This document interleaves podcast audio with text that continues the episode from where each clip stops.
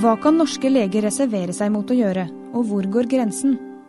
Velkommen til tidsskriftets podkast for nummer 18 2010. Reservasjonsretten går ut på at leger og annet helsepersonell har en lovbestemt eller på annen måte etablert rett til å avstå fra å delta i medisinsk behandling, pga. samvittighetsgrunner eller religiøs overbevisning.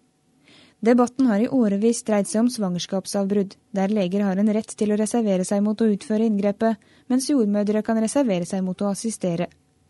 Rådet for legeetikk får mange slike saker på bordet. De har konkludert mot norsk lov i enkelte saker, bl.a. når det gjelder forskjellen mellom å henvise og å utføre et abortinngrep. Det er ingen lovbestemt reservasjonsrett når det gjelder å henvise for abort, men det har lenge vært en etablert og akseptert praksis at leger kan reservere seg dersom de har en avtale med kollega som kan bistå den gravide i prosessen. Det sier Trond Markestad, leder i Rådet for legeetikk. I en artikkel i tidsskriftet skriver han at reservasjonsretten kan være viktig for legers helse, for det å handle på tvers av dyp overbevisning kan være en stor belastning. Leger har også reservert seg mot å gi prevensjon, særlig det å sette inn spiral, som noen oppfatter som å fremkalle tidlige aborter. Rådet for legeetikk har også støttet leger i å reservere seg mot å utføre rituell omskjæring av gutter, fordi det er et kirurgisk inngrep uten medisinsk begrunnelse. Og også for å avslutte livsforlengende behandling. Rådet har hatt én sak der det var snakk om å slå av en pacemaker, og, eh, og det mente vi da det måtte være en reservasjonsrett mot. På noen områder er imidlertid Rådet for legeetikk klare på at det ikke er greit å reservere seg. Rådet aksepterer ikke at leger reserverer seg mot å gjøre vanlig legearbeid slik som å forebygge og behandle personer med sykdom, skade eller funksjonsnedsettelse på grunnlag av livssyn, kjønn, kulturell bakgrunn eller holdninger de ikke liker. F.eks. homofile, personer med rasistiske holdninger, enslige mødre eller andre personer som lever i forhold som legen mener er uakseptable ut fra sin egen religiøse livssyn. De tilfellene der rådet mener det er akseptable grunner for å reservere seg, har alle det til felles at det ikke dreier seg om behandling av sykdom. Rådet aksepterer derfor ikke at leger reserverer seg mot å behandle følgetilstander av behandling de har reservert seg mot. F.eks. å ta hånd om en lesbisk gravid kvinne i svangerskapet, eller behandle komplikasjoner etter en abort. Vi mener at toleranse må gå to veier, og vi håper at uh, f.eks. lesbiske par og en lege som reserverer seg mot å henvise, kan opprettholde et godt forhold dersom legen har oppført seg ærlig og med nødvendig empati og respekt da han overlot henvisning til andre. Betingelsen for å kunne reservere seg er uansett at legen oppfører seg slik en lege skal. På den måten trenger ikke pasienten føle seg diskriminert eller fratatt en lovbestemt rett. At legen gjør pasienten oppmerksom på rettighetene og mulighetene som pasienten har. Viser respekt for ønsker, valg og livssyn. Og ikke forsøker å påvirke avgjørelsen ut fra eget livssyn eller holdning. Og heller ikke holder tilbake informasjon om muligheter og rettigheter som er nødvendig for at pasienten kan ta et reelt eh, informert valg. Legen skal heller ikke diskriminere ut fra etnisk bakgrunn. Og det som jeg nevnte i sted, altså livssyn, kjønn, sivil og sosial status og seksuell legning. Og så må man sørge for at pasienten får nødvendig hjelp av annen lege. Siden 2008 har mange leger henvendt seg til Rådet for legeetikk om at de pga. sin religiøse overbevisning vil reservere seg mot å henvise lesbiske par til assistert befruktning.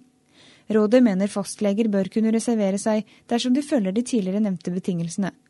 For dette er de blitt kritisert, og flere mener det strider mot diskrimineringsloven og FNs menneskerettighetserklæring.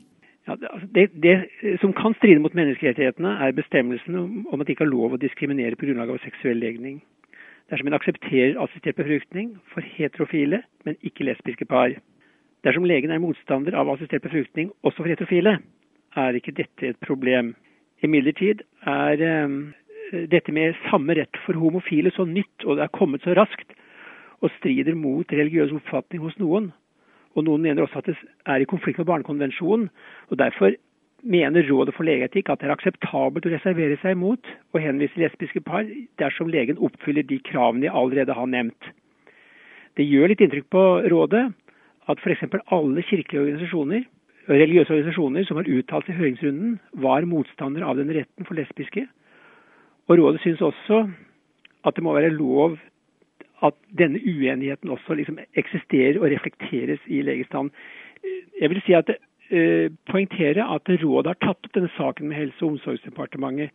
Og de gir oss medhold i det de sier, at det er kommunen som har en plikt til å sørge for at innbyggerne får oppfylt sine lovbestemte rettigheter. Derfor er det også opp til kommunen å ha dette klart overfor de legene som er ansatt der, slik at de har en rutine for hvem som eventuelt kan stå for en slik henvisning. Markestad tror utfordringene i forhold til reservasjonsretten vil bli flere i årene som kommer, etter hvert som dagens kontroversielle helsetilbud går over til å bli rettigheter. Jeg tror at det kommer til å skje uh, mye på rettighetssiden. Jeg tror at det første spørsmålet som vil komme opp, det er at enslige kvinner får samme rett til uh, assistert befruktning som lesbiske kvinner. Det kan tenkes at med flere leger som har annen religiøs og kulturell bakgrunn, så vil noen kanskje ønske å reservere seg mot ting som vi ikke tradisjonelt oppfattet som, eh, som akseptabelt. Og Det er også en av grunnene til at denne debatten har blitt veldig het skal vi si, i enkelte land, f.eks. England. Der de har sett at uh, leger har ønsket å reservere seg mot å behandle enslige mødre, homofile osv. ut fra sitt eget livssyn. Så det, det, har ikke jeg kjennskap til har skjedd i Norge, men det kan nok skje. Og så er det det at uh, ny kunnskap og nye behandlingsmuligheter ut fra, ut fra fremskrittene innenfor genetikk, det tror jeg kan føre til at uh, det kan bli aktuelt å behandle ut fra genetiske prinsipper for å endre egenskaper, og det vil bli kontroversielt. Det neste som kan komme, som er en uh, internasjonal trend nå, det er uh, retten til assistert, legeassistert selvmord.